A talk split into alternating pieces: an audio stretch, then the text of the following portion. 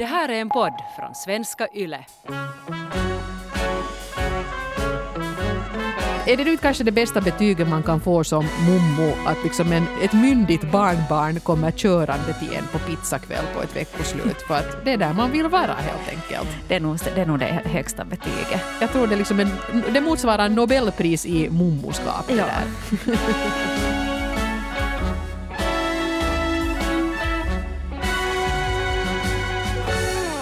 Vi fick ett brev till relationspoddens eh, inbox där det var en kvinna som skrev in att hon skulle vilja höra lite berättelser om problematiska föräldrar. Och den här kvinnan skriver så här. Ofta är föräldrarelationen den starkaste man har men alltid går det inte direkt som en dans på rosor. Vad ska man göra när mamma är den största energitjuven eller när pappa aldrig hälsar på längre? Jag upplever att många färska mor och farföräldrar är allt mer fokuserade på att förverkliga sig själva än att prioritera familjen. Plötsligt är 50-60 det nya 25. Eller? Mm. En intressant fråga. Och det här slängde vi ju då förstås ut i form av ett sånt här formulär som vi brukar. Och, och fråga er att eh, känner ni igen er i det här upplägget? Själviska eh, äldre föräldrar och krävande vuxna barn om man riktigt hårddrar det då. Och vi har ju fått nog liksom en massa svar av, av bägge dera, både äldre och yngre och mitt emellan, som har åsikter om det här. Det verkar ju sådär överlag att, eh, tycker jag, att eh, beroende lite på hur gammal du är då du får de där barnbarnen, att det kanske avgör ganska mycket i hur pass engagerad du är. För jag menar, nu är vi ju Eva 40-plussare, men om vi tänker att om tio år så skulle vi egentligen båda kunna få barnbarn.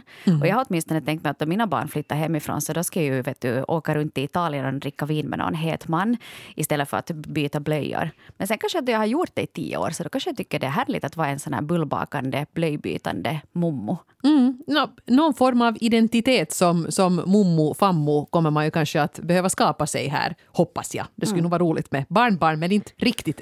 Nej. så vi får se, när den dagen kommer så, så får man väl försöka hitta på hur man förhåller sig till det hela.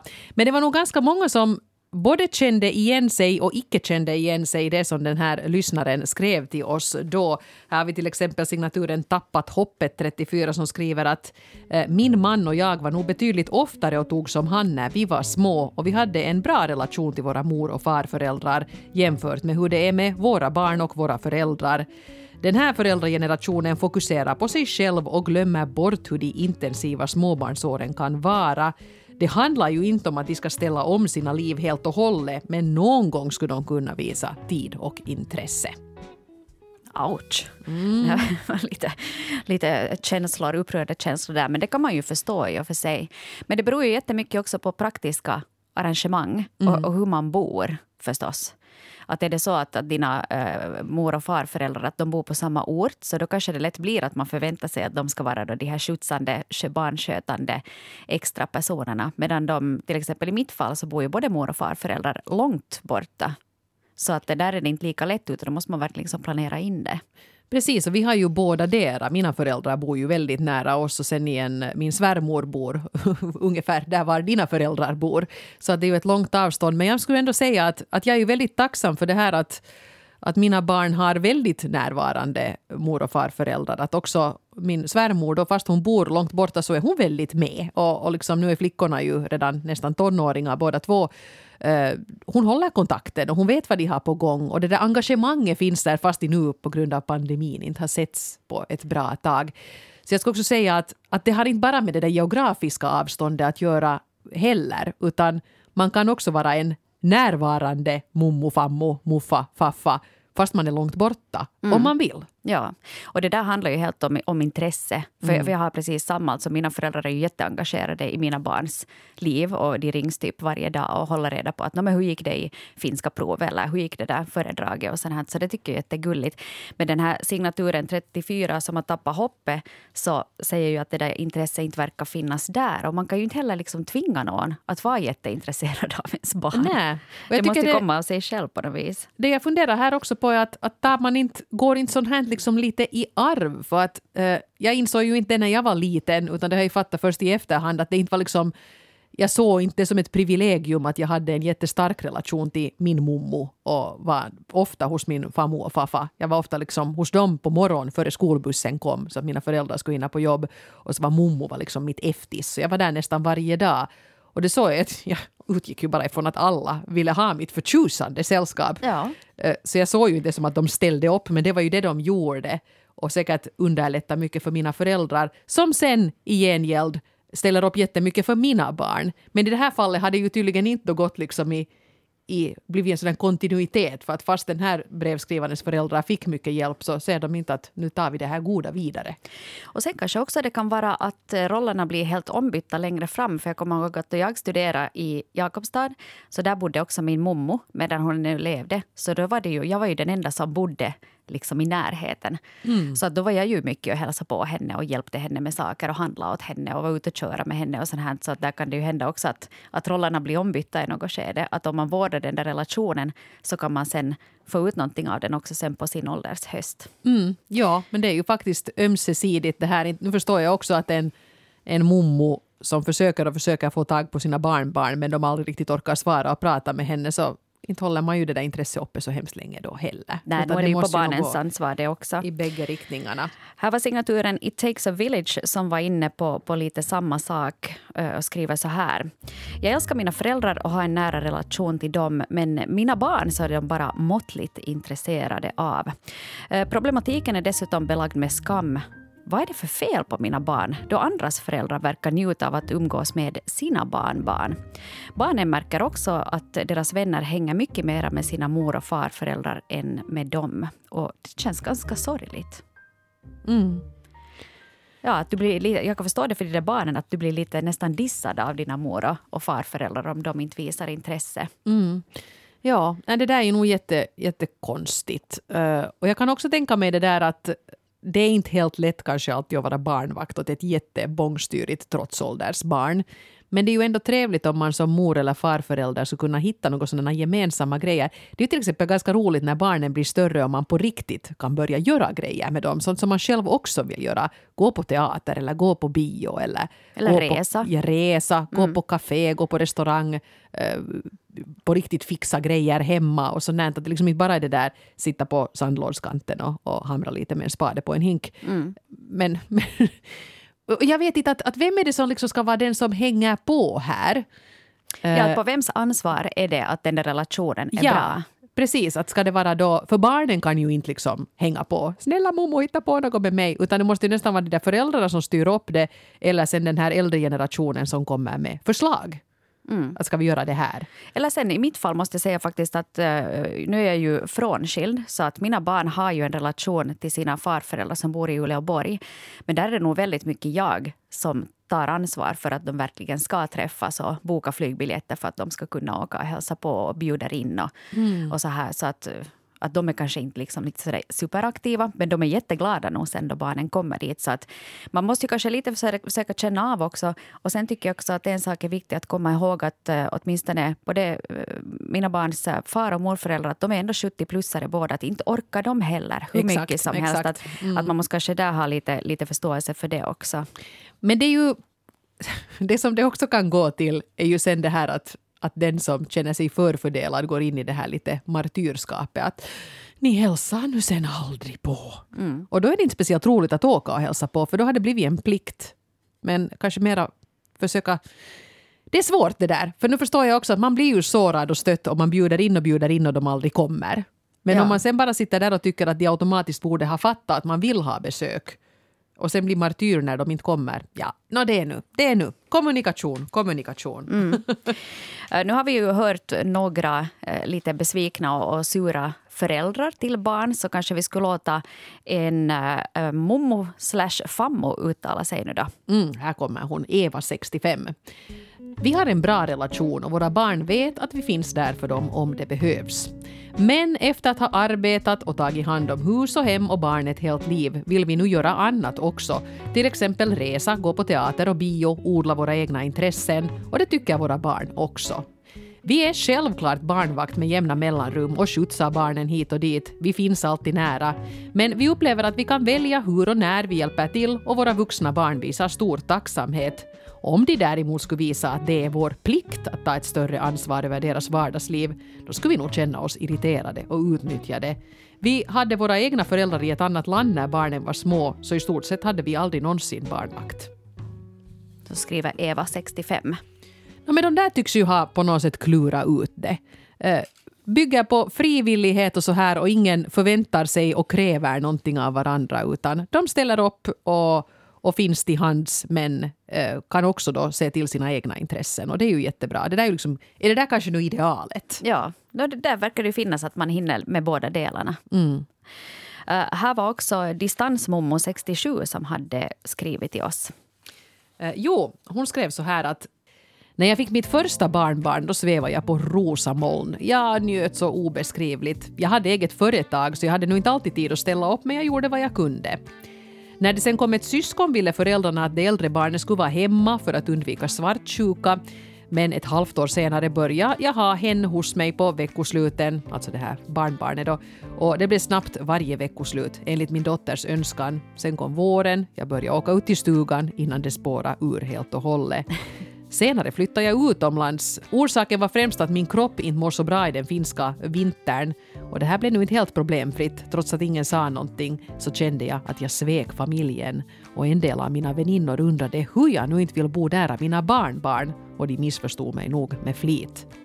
Jag anser att jag är en bättre mormor när jag mår bra och vi pratar med varandra alla veckor och på sommaren och på julen är jag i Finland och då umgås vi ofta. I mitt före detta arbete har jag träffat mor och farföräldrar som har blivit utnyttjade av sina barn. De flesta föräldrar vill hjälpa sina vuxna barn, men det är också viktigt att vi visar att vi litar på att de klarar sig. Distansmommo, 67 år. Mm. Jag tror Hanna, jag får en vibb av att det här är Hannas framtid som mommo. Det kan bra hända faktiskt att, att det blir någonting i den stilen. Ja, och jag, jag, tycker att, att eh, Distansmommo 67 gör helt rätt. Och, och, jag tycker att det är viktigt det här att man inte uh, låter sig själv bli utplånad heller av barnens önskemål. Att om du har jobbat hela livet och sen vill bo utomlands på grund av hälsoskäl eller bara för att du vill det. Ja, och ha möjlighet. Man, ja, då tycker jag att du ska få göra det. Att inte har man ju heller någon, någon skyldighet att vara jättenära sina barnbarn. För jag vet till exempel med, jag har ju två barn och min bror bor också här i huvudstadsregionen. Han har tre barn och i något skede så funderar mina föräldrar att, att borde vi nu som flytta dit då för att vara med barnbarnen? Men så det är ju helt absurt att ni har ju bott liksom någonstans hela ert liv. Att varför skulle man vet du, dra upp hela sitt liv med rötterna för att vara nära? Att man kan ju faktiskt också sätta sig i en bil och köra och hälsa på. Mm. Att, att, jag tycker nog att det är viktigt det där att man ändå fortsätter med sitt eget liv. Plus att annars så kan det också bli ganska mycket ansvar som sätts på till exempel mig. Då, att nu har de flyttat hit för att vet du, umgås mer ja, med bara oss. för vår skull Ja. hade gjort den här uppoffringen. Nu borde vi underhålla dem. Ja. Ja. Så jag tycker nog att det är fint det där att man, att man tar eh, sig friheter. Och till exempel är det ganska populärt och många drömmer om det att man under pensionen till exempel kan vet du, bo på solkusten under vintermånaderna och sånt här. Och det tycker jag att man ska få göra. Alltså jag är också jag är 100 procent på distansmommors sida här. Och jag tycker att de här vännerna som knorrar att oj, vill du inte vara med barnbarnen? Jag tror de är lite avundsjuka på distansmommor som har vågat ta det här steget. Våga. Jag tycker inte ens att det här är själviskt. Det här är det enda rimliga. Hon har velat flytta utomlands. Hon har haft den här möjligheten. Hon håller kontakt med familjen. Jag tycker det här är snyggt och elegant skött. För att inte har hon någon liksom, skyldighet att, att vara hemma och, och se efter sina barnbarn bara för att hennes barn har råkat få barn. Nej, man har skyldighet att leva sitt eget liv så att man är nöjd med det. If grandma ain't happy, ain't nobody happy. Så är det. Vi skulle kunna gå vidare här med eh, ett brev som kom in från signaturen CT41 år. Mina svärföräldrar, mest mamman, hon curlar sin son fortfarande. Och det här började när vårt barn var kring ett år. Jag får iväg på jumpa, högst en och en halv timme i veckan och varenda gång jag kom hem så var svärföräldrarna där. Det var otroligt frustrerande för jag skulle också behöva få förtroende för sambon att han kan ta hand om sitt barn. Jag ser ju att han ringer sin mamma bara för att han inte orkar ta hand om sitt eget barn för det är ju inte så roligt alla gånger. Och mamman hon kommer springande som om det är en nödsituation. Till saken hör också att sambon aldrig skulle fara och hälsa på sina föräldrar bara för att de skulle få träffa sitt barnbarn. Han ringer dem bara då han behöver få dem att sköta barnet så att han kan göra något annat i hemmet, typ städa lite eller bygga på någonting och så vidare. Och det här är mycket frustrerande och inte okej. Okay. Tre utropstecken och versaler. Mm. Uh, nej, jag tycker faktiskt inte heller det här är okej. Okay. För att jag tycker att man ju som om man är två föräldrar i en familj så måste man ju kanske lite komma överens om det här att när ber vi om hjälp? Eh, vad är sådana situationer då vi faktiskt liksom ringer till de här svärföräldrarna för att det är någonting som vi måste göra. Och då ska man liksom inte utnyttja det lite sådär hipp som happ att men min fru får på jumpa och jag skulle vilja fila den här brädan här så jag ringer till mamma och hon ja. är så att oj oj oj jag släpper allting och kommer farande här och vi hade nu egentligen konsertbiljetter men mitt barn behöver mig. Så kan man inte hålla på. Jag tycker han beter sig otroligt barnsligt ja. den här pappan i den här ekvationen. Och sen kanske den här curlande svärmodern också kanske behöver sätta vissa gränser.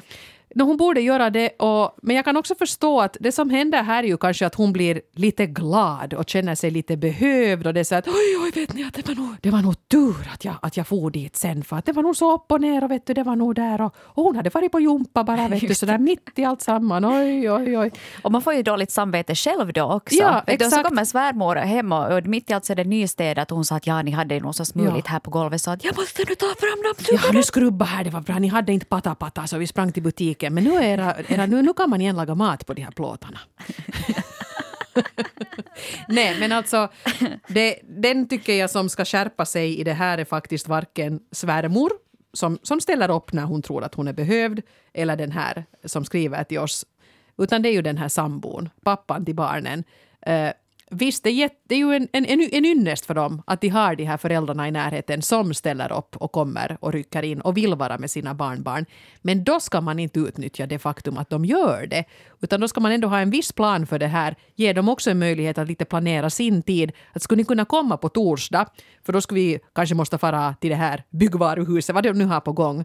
Och så vet alla det och kan ställa upp och så här. Men inte så att han lite i smyg kallar in liksom kavalleriet för att nu hon har vågat ta sig lite egen tid, den här mamman, och ja. fara på jumpa. Ja, nej, men det blir ju så. Och sen att man kanske blir lite bekväm. Och jag, ja. jag, tycker att om du, om du är vuxen och har fått dina egna barn så kan det ju bli så där att mamma måste komma och styra upp allting sen. Nej, för att jag klarar. Men, men det ser du, en del människor det, det är ganska bekvämt att vara en sån där lite stacky. Om man inte tycker att det besvärar en och, och ens på något sätt identitet får en rubbning. Att man säger att vet jag är ensam här med ungarna och skulle kunna komma här nu lite. Och så kan, kan du köpa lite mat också? Eller ja. sådär, för att det är, vet du, det är så tungt det här Men jag, jag har gjort köttfärslimpa. Jag tar ja. med den då jag kommer. Ja, laktosfri. Ja. Nu har vi snackat ganska mycket om det här med att, att ha småbarn och hur äh, mor och farföräldrar Eh, Eh, upplever den här situationen. Men det kommer ju en tid också längre fram då barnen växer upp och eh, om man har spelat sina kort rätt så kan det hända att barnbarnen blir en fantastiskt fin tillgång i livet. Jo, och det intygar till exempel BM55 som berättar då, eh, det är ett långt brev, det här ska lite ta och, och banta ner det, men i alla fall, hon har haft två pojkar då och de har aldrig drömt om att de skulle ta morföräldrarnas tid som någonting självklart, utan de har försökt ha balans i allting och så vidare. Och de där pojkarna har ändå varit ganska mycket med sin mormor och morfar. När sönerna växte upp hände det ofta att de tog bussen till mina åldrande föräldrar själva och det blev en väldigt varm och tillitsfull relation som växte fram och den varade ända fram till mina föräldrars död. När mormor blivit änka och sönerna hade fått körkort, som då mommo hjälpt till att bekosta, då turades de om att köra till henne på veckosluten. Den yngre övernattade ofta på hennes bäddsoffa och jag vet att hennes besök var henne till stor glädje.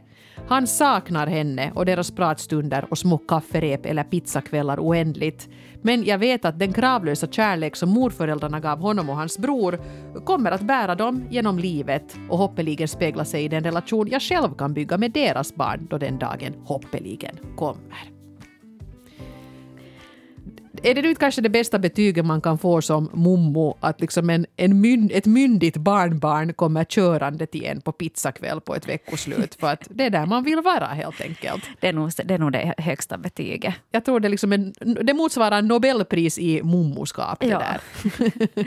Vilken ljuvlig historia. Mm. Och där ser man ju också att, att det kommer en tid då det inte längre behöver skötas så aktivt och man inte hela tiden behöver oroa sig för att de ska vet du, göra i blöjan eller, eller dränka sig eller hoppa ner från balkongen. Utan sen kan man ha liksom en vuxenrelation till dem. Och precis så kan jag ju också tänka mig att kanske de här numera vuxna sönerna såg ett visst ansvar för sin mommo som säkert började vara ganska gammal vid det här laget. Att det liksom ändå var en bra grej att fara dit lite och underhålla henne också. Att det blev ju en sån här ömsesidig grej. Då. I något skede slår ju rollerna över. Eh, I det skede när mormor och farmor och mormor och morfar inte mera kan vara de där som lyfter och konkar och byter blöjor utan kanske faktiskt är de som behöver skötas om själva. Och då är det ju bra om den där barnbarnsarsenalen, om man har fått sig en sådan, ställer upp och ser det som en självklart att se efter dem.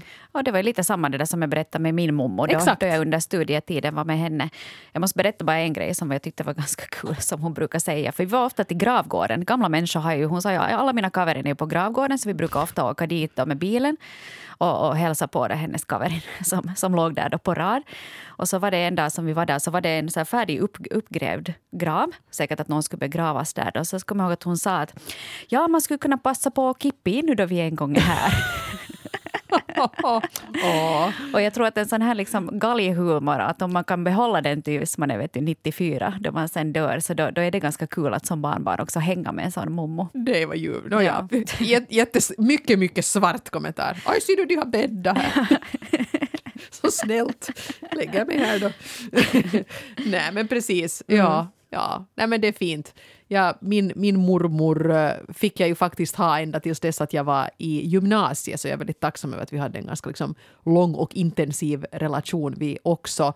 Och inte skulle man ju vilja byta bort den till något pris, men det är ju kanske först som vuxen när man har hört om andra som till exempel missa sina mor och farföräldrar, alltså att de hade hunnit dö redan när, när de själva var små, när de fick de där barnbarnen.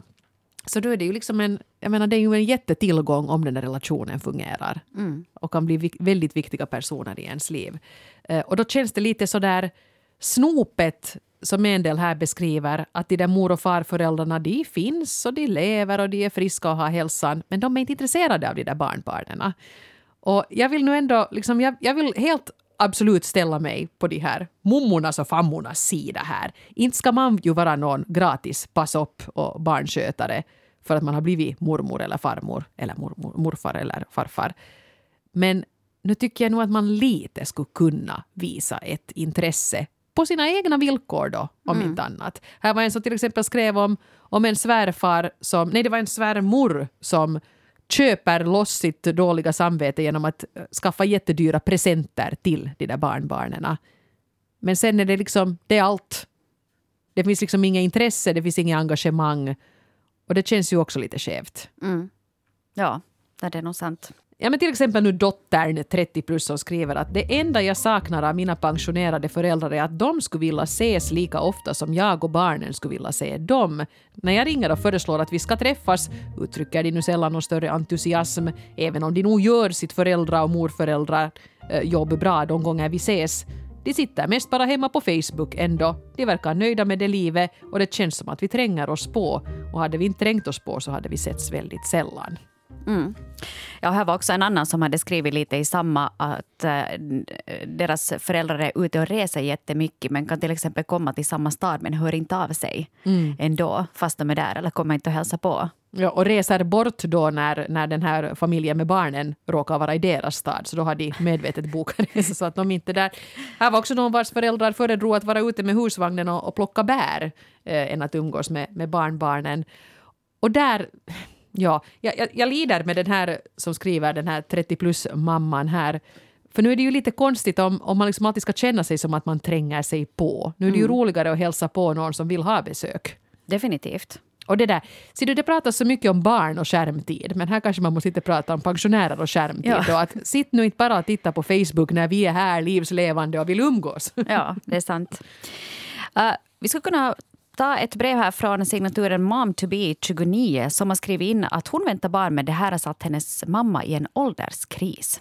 Jo, så hon skriver. Det här innebär att jag som dotter är den vuxna och mamma är något av en identitetssökande tonåring. Jag utvecklar min roll som mamma samtidigt som jag kämpar med min relation till min egen mamma. Det här är smärtsamt och svårt. Jag försöker respektera och visa förståelse för min mamma här. Det är knappast lätt att som 50-plussare börja omvärdera sitt liv, sitt jag, hitta nytt fotfäste efter flera årtionden av slentrianmässigt rutinleverne. Men ändå kan jag inte låta bli att irritera mig över att min mammas kris kommer just i det här skedet av livet när det drabbar så många andra människor. Min pappa, mina syskon, mina syskonbarn och snart också mitt eget barn. Jag vill att mitt barn får en fin relation med sin mormor, men jag har inte så höga förhoppningar om att min mamma kommer att erbjuda hjälp, barnvakt eller annan typ av stöd. Hon är ivrig med att posta bilder på sina barnbarn i sociala medier och köper ofta söta babykläder och leksaker, men det där markarbetet med blöjbyten och avlastning tror jag inte att kommer att bli av i den mån jag hade hoppats och behövt. Lyckligtvis har jag ett ordentligt stödnätverk från annat håll, för annars skulle jag nog ha känt mig väldigt ensam i det här föräldrablivandet. Mm. Mina sympatier går ut till dig för att det att du ska få ditt första barn så är en jätteviktig milstolpe i livet. Och att känna sig mer eller mindre övergiven av sin egen mamma så är säkert ganska jobbigt. Men jag tror kanske att mamma är inne i klimakteriet och annars också kanske i en medelålderskris. Att vem är jag nu? Att mitt barn ska få barn och att det här gör mig till en mommo och jag är 50-plussare. Att det var det här livet. Att kanske mommo nu på riktigt behöver få ha den här ålderskrisen och kanske också genomgå liksom mycket kroppsliga förändringar som gör det svårt för henne att vara närvarande just nu. Jag menar, du får barnbarn ändå så pass tidigt som 50 plus så då har du ju ändå ganska mycket bra år framför dig. Mm. Jämfört med att om du kanske har varit pensionerad redan i fem år och, och rest runt världen några vändor och, och då liksom blir eh, mor eller farförälder vid 65-70 så då kanske du har en helt annan inställning till det och kanske också har fått leva ut så att du orkar satsa på det där barnbarnet. Att jag tror att kanske det är just den här åldern för mm. den här mamman som är ganska avgörande. Och jag tror ju också att mamman i det här fallet hon befinner sig mm. i en fas. Och det kanske är så att hon måste få väsnas och, och voja sig och försöka landa på fötter nu här i några år. Men släpp in henne på nytt om hon sen när barnet inte längre är en bebis och behöver byta blöjor och sådär. Om hon nu ändå liksom då vill komma tillbaka och vill hitta på grejer så nu pratar jag svengelska igen, men don't hold it against her att hon råkar ha liksom en sån här ålderskris då när du var gravid. För jag menar, jättebra att, att du som skriver har ett stödnätverk. Var, var glad över det och ha tålamod med din mamma och kanske vara lite förlåtande sen om hon, om hon försöker karpa upp sig här nu. Men nu tycker jag också du ska kunna säga till åt henne på skarpen att vet du vad, att det här är vad jag hade hoppats på. Uh, vad är du beredd på att göra? Hur kan vi, kanske diskutera igenom att vad ska vårt upplägg nu vara som mamma och mommo i det här fallet? Och kanske vara ärlig med det här att jag, jag behöver dig och jag vill ha med dig i det här projektet för det känns hemskt ensamt att, att inte ha dig. Men att vad känns okej okay för dig? Var går gränserna för vad du orkar med och vad du vill göra? Mm. Utmärkt. Ja. Mm. Korten på bordet liksom. Mm.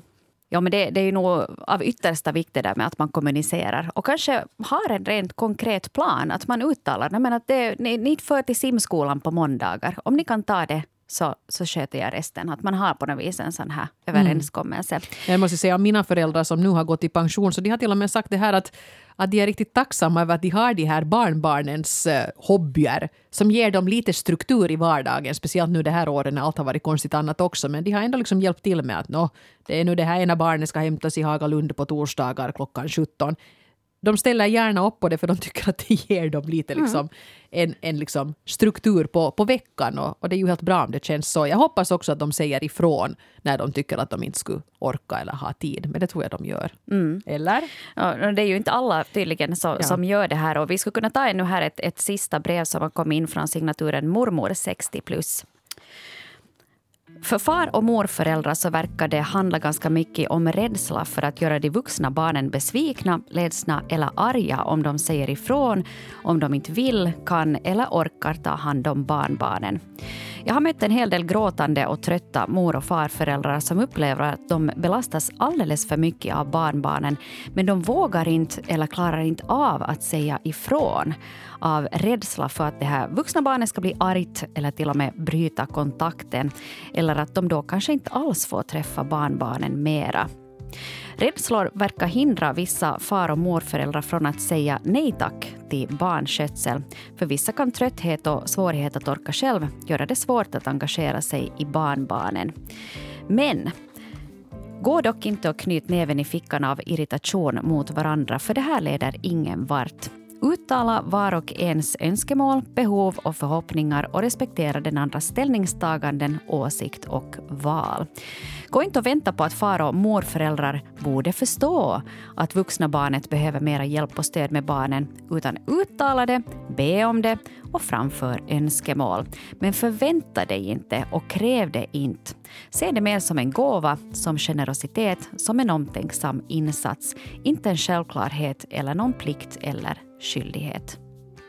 Mycket klokt skrivet. Och här ska vi också tillägga att Mummo, 60 plus här eh, har jobbat inom vården så att hon pratar alltså inte bara då av egen erfarenhet utan också helt med professionell erfarenhet. Och jag tyckte det här var ju Spot on! Today I cannot speak Swedish. Mm. I am var, very uh, English. Det var mitt i prick. Det var, det, var, det var mitt i prick det där mormor 60 plus. Tack. Ja, ja. Nej, men det där är nog sant det där. Och sen säkert om man möter, möter uh, trötta mor och farföräldrar så, så det, det skulle inte vara så heller. Men det är ju hemskt det här som hon beskriver. Det är ju riktigt ett skräckscenario det här med att uh, föräldrar nästan håller de där barnbarnen gisslan. Att om eh, mormor och morfar blir för besvärliga så får de inte träffa barnbarnen alls. Ja, men så kan man inte göra. Nej, det, nej. Det, och sen att fast du själv kanske inte kommer jättebra överens med, med mor och farföräldrar så kom ihåg att för de där barnen och för de där mor och farföräldrarna så är det ändå en, en jätteviktig relation. Så att försöka att värna om den. Men jag tror att summan av kardemumman, om vi nu ska tala i såna gamla termer, så, så handlar det ju nog jättemycket om den här kommunikationen. Mm. Och att man kommer överens att vad är okej för er och vad är okej för oss och hur kan vi liksom enas kring det här. Mormor 60 plus hade ju en bra tumregel här. Var tydlig med vilken hjälp och, och vad du skulle behöva eh, och respektera det svar du får av den här äldre generationen. Säger de nej så är det nej Mm. och, och då är det på det sättet då. Korten på bordet, säg vad som behövs och godkänn svaret. Och respektera varandra. Ja. Tack för alla era berättelser. Norrena och Frans är tillbaka igen om en vecka.